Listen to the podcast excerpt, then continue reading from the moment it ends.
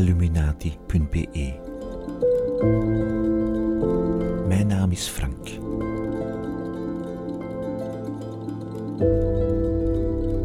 Ik schrijf en vertel graag verhalen over complottheorieën, pseudowetenschap en desinformatie.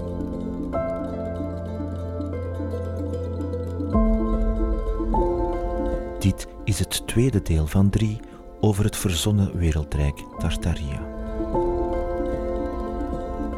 Deel 1 vertelde ik over de aanleiding van de mythe, over de gebouwen en de inwoners van Tartaria. In deze aflevering doe ik nog enkele inhoudelijke aspecten uit de doeken. Meer bepaald de verrassend moderne technologie en de verbluffende energievoorzieningen. Jammer genoeg konden die de ondergang van het imaginaire rijk door gemanipuleerde modderstromen niet tegenhouden. In het derde en laatste deel schraap ik geleidelijk de pseudohistorische onzin weg en kruip ik onder de motorkap om te zien wie en wat deze en soortgelijke pseudowetenschappelijke theorieën aandrijft.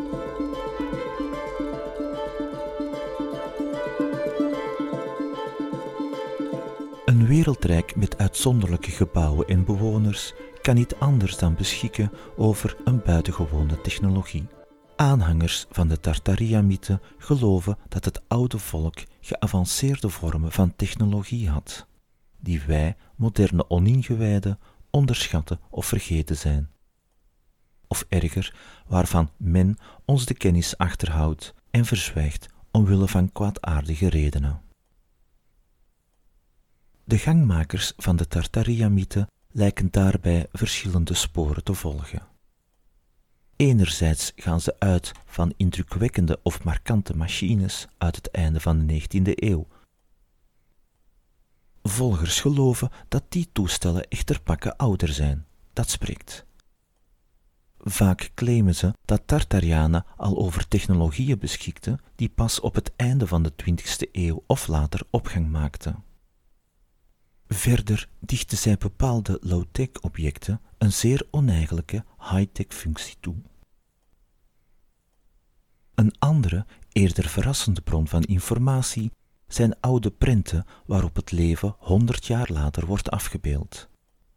Ook in de 19e eeuw was science fiction een populair genre. Tot slot presenteren ze historische concepten en ideeën van technici of kunstenaars als toestellen die echt bestaan zouden hebben. Ik geef van elke categorie enkele voorbeelden. Emblematisch voor Tartaria zijn afbeeldingen van imposante zeppelins. Luchtschepen met een licht metalen geraamte, een motor en een stuurinrichting voerden vanaf 1910 commerciële vluchten uit. De hoogdagen van de Zeppelins en van de commerciële vluchten in en naar de Verenigde Staten begonnen midden jaren 1920. De gouden periode kwam abrupt tot een einde op 6 mei 1937, toen de Duitse Hindenburg crashte in Lakehurst in New Jersey.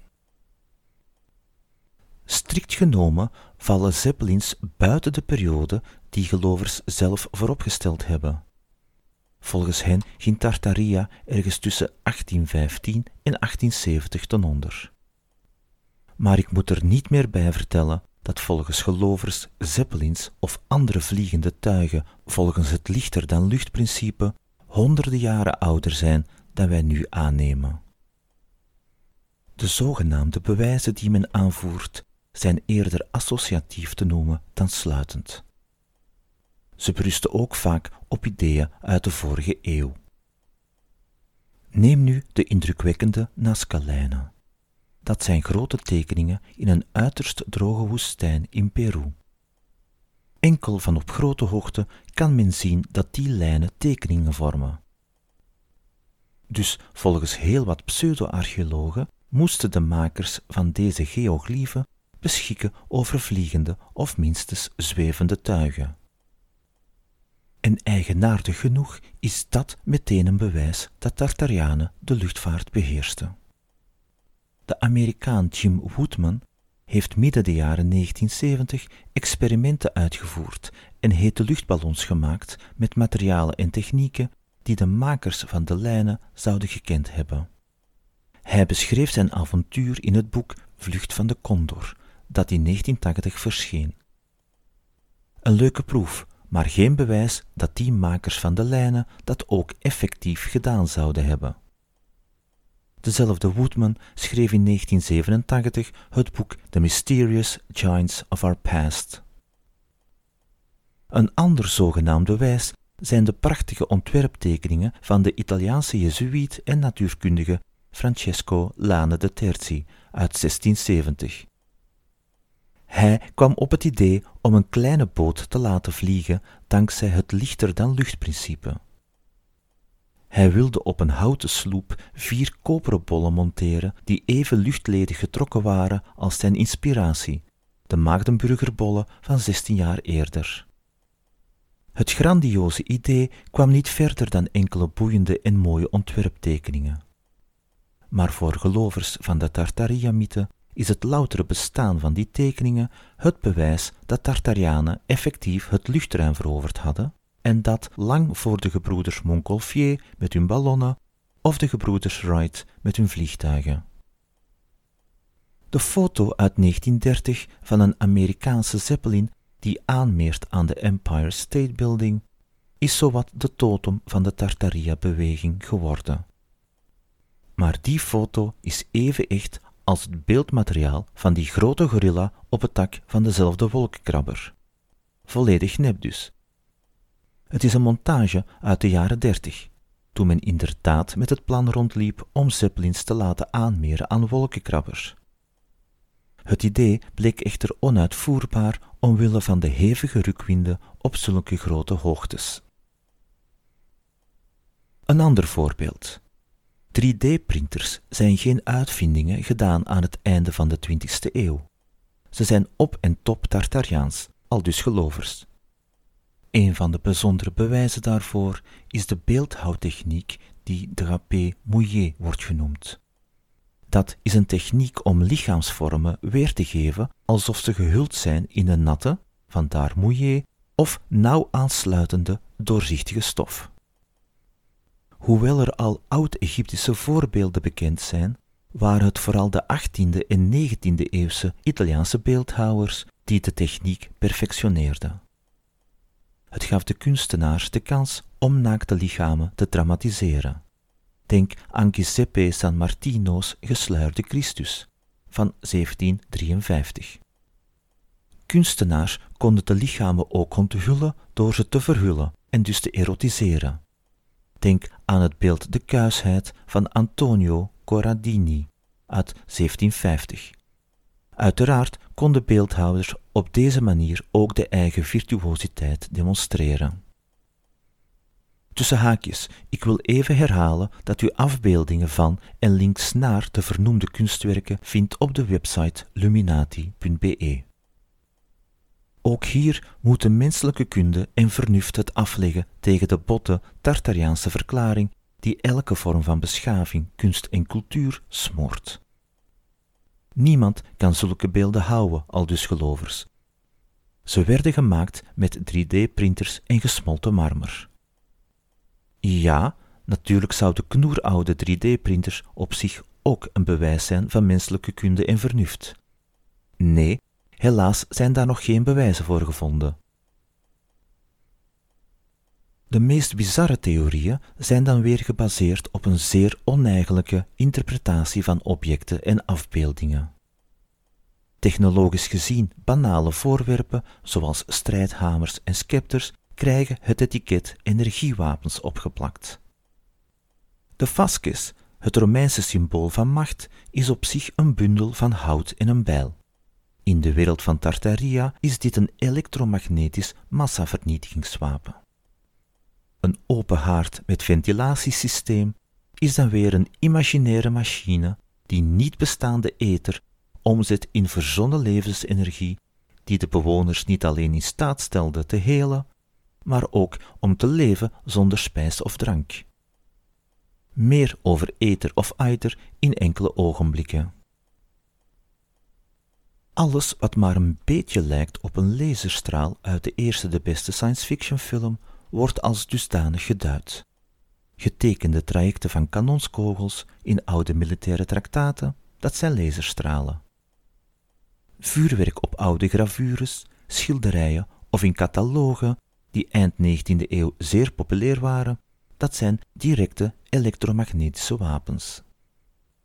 Fraaie harnassen uit de renaissanceperiode, vaak gemaakt voor parades of toernooien, worden gezien als elementen waarmee energie kan verzameld worden en uitgestoten, op zijn Pokémons.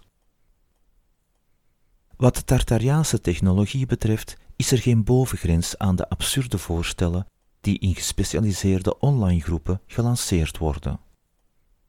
Oude getruckeerde postkaarten en foto's van Victoriaanse mediums die geesten laten verschijnen in spiegels worden ofwel opgevat als bewijzen van videotelefonie, een Tartariaanse zoom als het ware, ofwel als het bewijs dat de technologie zo gevorderd was dat men kon communiceren met de doden.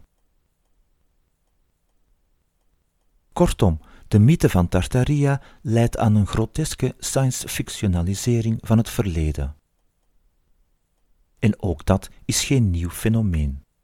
Het is een logisch gevolg van de verspreiding van oudere, klassieke, pseudo-archeologische verhalen over ancient aliens met uitzonderlijke technologie. Anders gezegd, ook hier worden oudere clichés gerecycleerd. De bijdrage van tv-zender History aan de science-fictionalisering van het verleden kan niet overschat worden.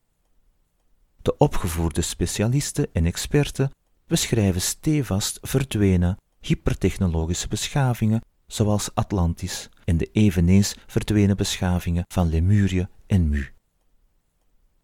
De meeste theorieën focusten zich op de relatie tussen mensen en buitenaardse. Maar dat aspect speelt tot nader order geen rol in Tartaria. Toch hebben gelovers in de Tartaria-mythologie tal van de anachronistische technologische aspecten uit de oude verhalen overgenomen. In het eerste deel beschreef ik hoe het werk van schilders en architecten misbruikt wordt. Ook visionaire wetenschappers en kunstenaars moeten eenzelfde degraderende behandeling ondergaan. Bijvoorbeeld de Nederlands-Amerikaanse kunstenaar, filosoof en luchtvaartingenieur Alexander Weigers. Deze hield zich sinds de jaren 1920 bezig met machines die het midden hielden tussen hovercrafts en VTOL's. Dat zijn vliegende tuigen die verticaal opstijgen en landen, zoals helikopters. In 1945 vroeg Weigers in de VS een patent aan voor zijn Discopter. Het was een rotor aangedreven toestel dat hij de vorm van een vliegende schotel had gegeven. Zijn ontwerpen en blauwdrukken beperkten zich niet tot de toestellen zelf. Hij plande een heuse, futuristische discopterhaven in San Francisco. Gelovers denken dat Weigers op het spoor was gekomen van de superieure Tartariaanse technologie. Alexander Weigers overleed in 1989. Hij is een kunstenaar en ontwerper die meer aandacht verdient maar niet op deze manier.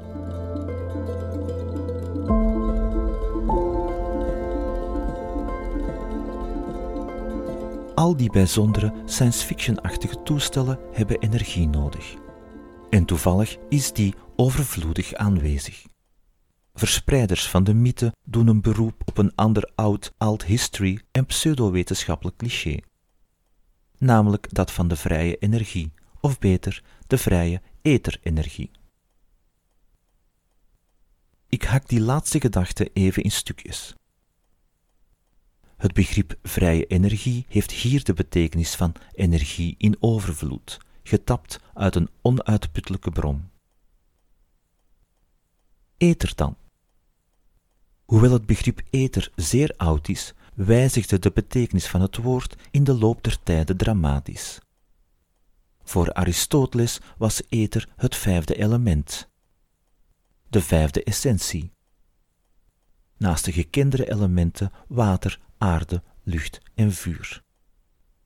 In de alchemistische traditie was het de stof die de beoogde transmutaties mogelijk kon maken, de omzetting van het ene element in het andere. Van lood naar goud, om bij het bekendste voorbeeld te blijven. In de 15e eeuw werd het begrip ether dan weer opgevoerd om bepaalde fenomenen te verklaren die we nu linken aan de zwaartekracht. Tot aan het einde van de 19e eeuw dachten heel wat natuurkundigen dat ether het medium was waardoor elektromagnetische golven zich konden voortbewegen. Dit vertelt de Winkler Prins geïllustreerde encyclopedie van 1905 hierover. Ter verklaring der verschijnselen van warmtestraling, licht en elektriciteit is het noodzakelijk gebleken het bestaan van een uiterst fijne, elastische stof, die in de gehele wereldruimte verbreid is en alle ruimte opvult die niet door materie ingenomen zijn, dus bijvoorbeeld de tussenruimte tussen de moleculen en atomen van alle stoffen. Deze stof wordt aether genoemd. Encyclopedieën zijn trage verspreiders van kennis. 1905 is ook het jaar waarin Albert Einstein tot het inzicht kwam dat hij het onmeetbare ether niet nodig had voor zijn speciale relativiteitstheorie. Dat betekende het einde van ether in de wetenschappelijke traditie. Niet zo in de magische wereld van de gescience-fictionaliseerde pseudo-archeologie in het algemeen en Tartaria in het bijzonder. Het element ether wordt volgens de meeste aanhangers zomaar even uit de lucht gecapteerd en omgezet in energie. Die captatie en het opwekken van elektriciteit gebeurde onder meer in de koepels van Tartariaanse gebouwen. Dus ook in die van het Antwerpse Centraal Station. Pas na de vernietiging van Tartaria werd de Antwerpse middenstatie een kopstation. Daarvoor was het, zoals elk gebouw met een koepel, een energiecentrale. De gedachte hieraan maakt mijn dagelijks gependel net dat ietsje boeiender. Maar hier stopt het uiteraard niet. Opnieuw moet het verhaal groter en grootser gemaakt worden. Volgens fans van Tartaria sturen zulke ethercapterende gebouwen hun energiestralen draadloos over naar verdeelpunten en eindgebruikers. En dat tonen bijvoorbeeld foto's van de wereldtentoonstelling in Chicago in 1893. Tartaria-leken zien op de foto's schijnwerpers die de gebouwen van de expo's zitten verlichten vanop de grond. Gelovers in de midden van Tartaria zien dan weer energiestralen die vanuit de gebouwen gestuurd en verdeeld worden. Koepels zijn niet de enige middelen waarmee Tartarianen ether opvingen en omzetten in gratis elektriciteit. Op oude foto's menen gelovers ook energieantennes te zien, in oude telefoonpalen, eender welke langere stok, mast of paal, spits of piek. Zelfs hogels op gotische gebouwen moeten ether uit de lucht trekken. Hogels, dat zijn gebeeldhouwde gotische ornamenten in de vorm van een bloem of knop, die pinakels of daklijsten sieren. Sommige gelovers spreken wetenschappelijk over collineaire vrije energieantennes. Maar als het over echte wetenschap gaat, dan haken ze snel af. Vragen naar formules of materialen die Tartariaanse ingenieurs gebruikten, worden of heel negatief ontvangen of beantwoord met vage suggesties zonder verdere uitleg. Schema's of berekeningen heb ik niet gekregen of gevonden. Wel foto's met heel veel cirkels en pijlen in een kleur die ik complotrood noem. Maar het hoeft weinig betoog dat dit geen basis kan zijn voor een rationele discussie.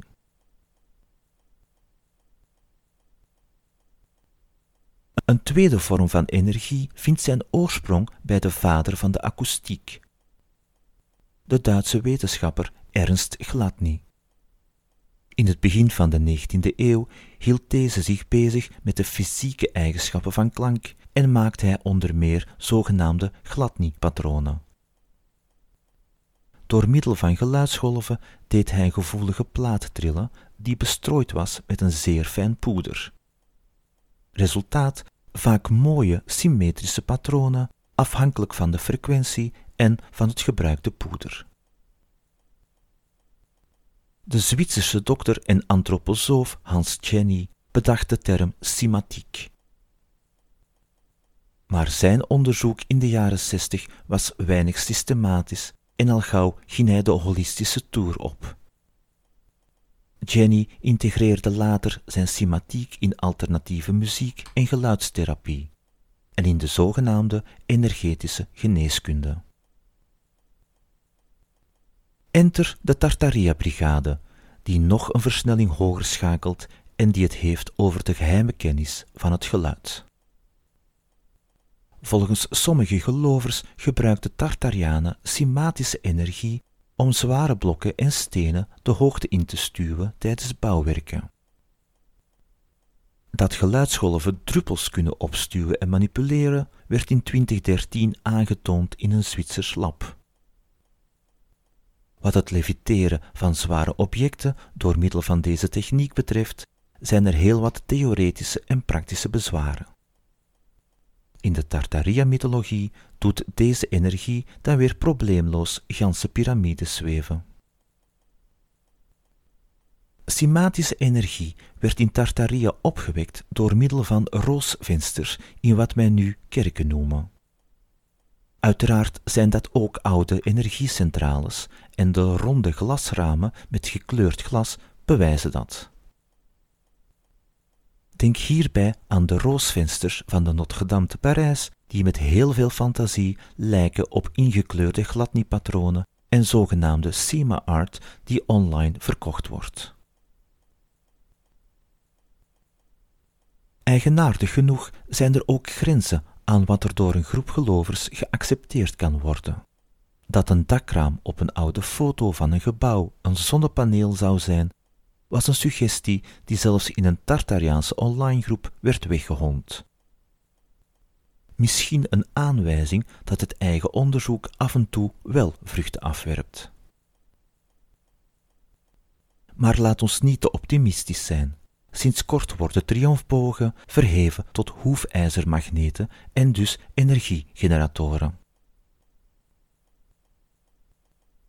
De theorieën werden al snel nog vreemder.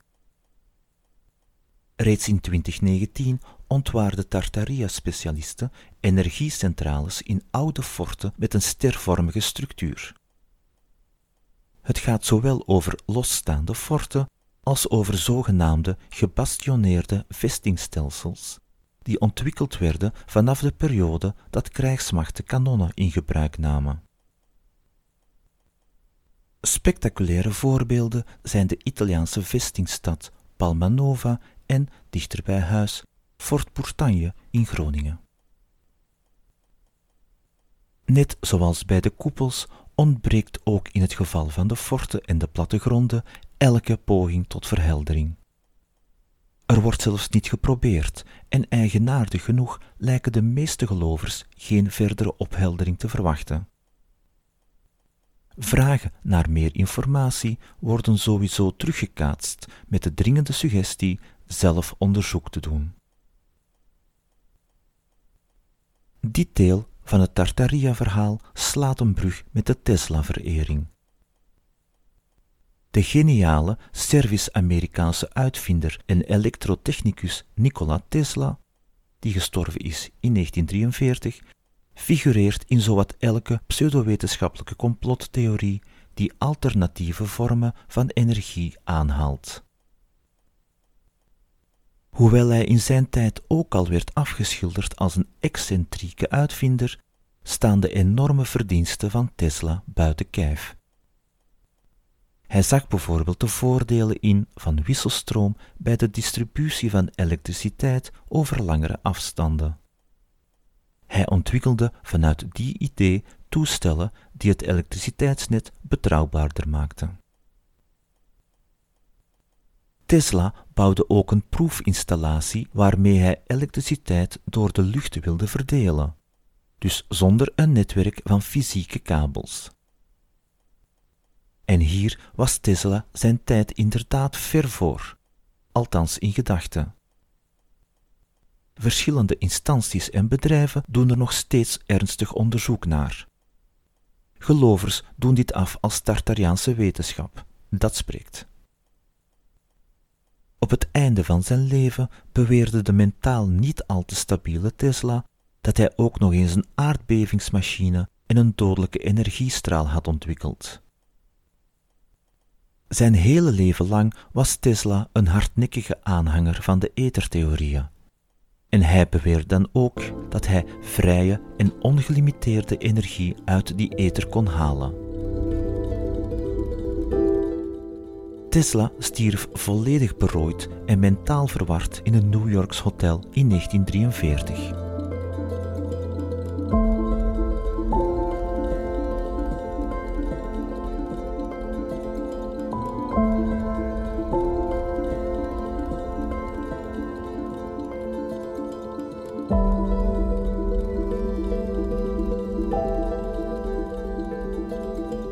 Dezelfde vaagheid in zaken de opkomst vinden we terug bij de uiteindelijke ondergang van het hoogtechnologische rijk, met zijn superieure bewapening en reusachtige inwoners. De oorzaak is wel gekend. Net zoals voor het andere rijk Atlantis was één grote ramp genoeg om Tartaria te verzwelgen. Atlantis verdween onder het water, Tartaria onder het slijk. De wereldwijde, metershoge modderstroom werd opgewekt en gestuurd door de vijanden van Tartaria. Ook nu voert men vooral foto's op als bewijzen, ondersteund met de gebruikelijke sliert hashtags en zonder bronvermelding. Op de beelden zijn er stevast mensen aan het graven. Wat het doel van het graafwerk is, wordt meestal niet vermeld. Op de foto's bevinden de benedenverdiepingen, de kelders en de fundamenten zich onder het huidige straatniveau. En dat is het primaire en eigenlijk enige bewijs dat die gebouwen en steden door een allesvernietigende modderstroom getroffen zouden zijn. Bij het achterhalen van de fotobronnen blijkt dat de geschiedenis vaak boeiender is dan de tweedehandse alt history verhalen. Brian Dunning is de man achter de podcast Skeptoid en hij wist enkele foto's van de Amerikaanse stad Seattle te duiden. In het begin van de 20e eeuw verhoogde deze stad het straatniveau tot bijna 7 meter, waarbij men zelfs hier en daar de volledige eerste verdieping eenvoudigweg onder de aarde begroef.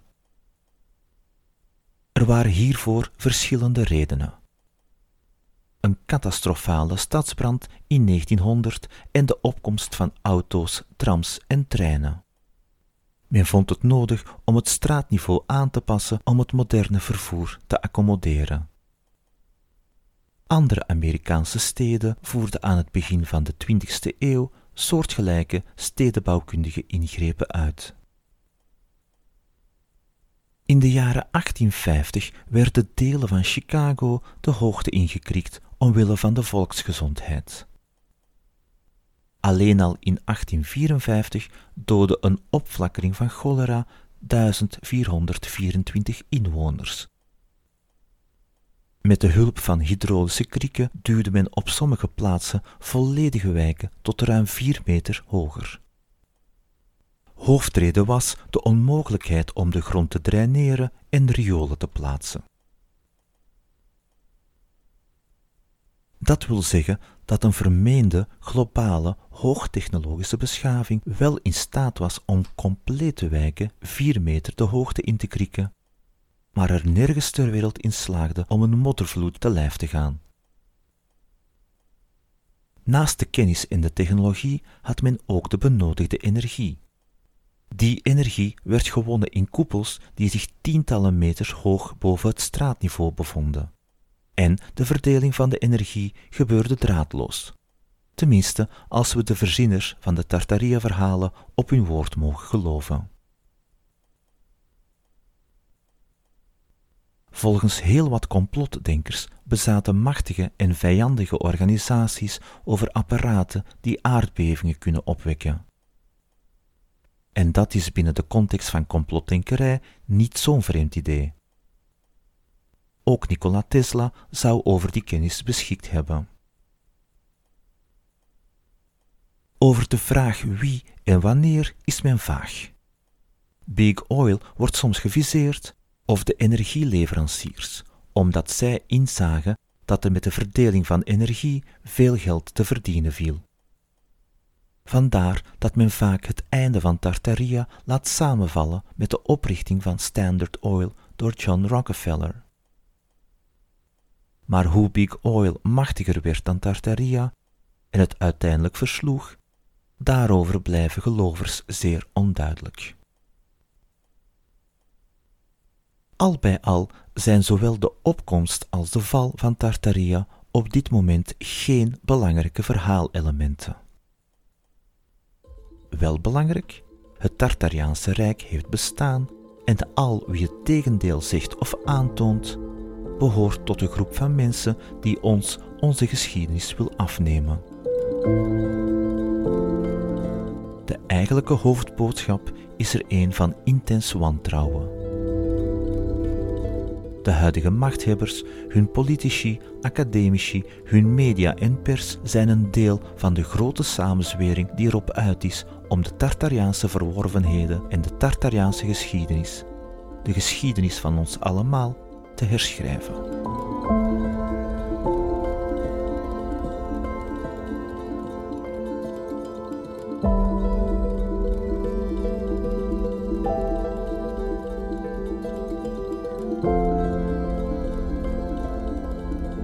Tot zover deel 2.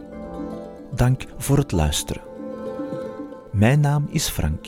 Ik ben, behalve germanist en lesgever, ook een boekengek. Pseudowetenschap en complottheorieën, dat zijn mijn onderwerpen. En die benader ik sceptisch en rationeel. Althans, zo beeld ik mij toch in.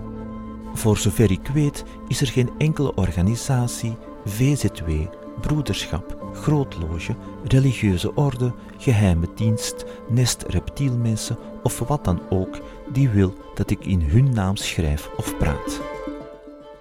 Ik ben er zeker van dat mijn uitleg voor verbetering vatbaar is. En ik sta dan ook open voor correcties en aanvullingen. U weet mij te vinden.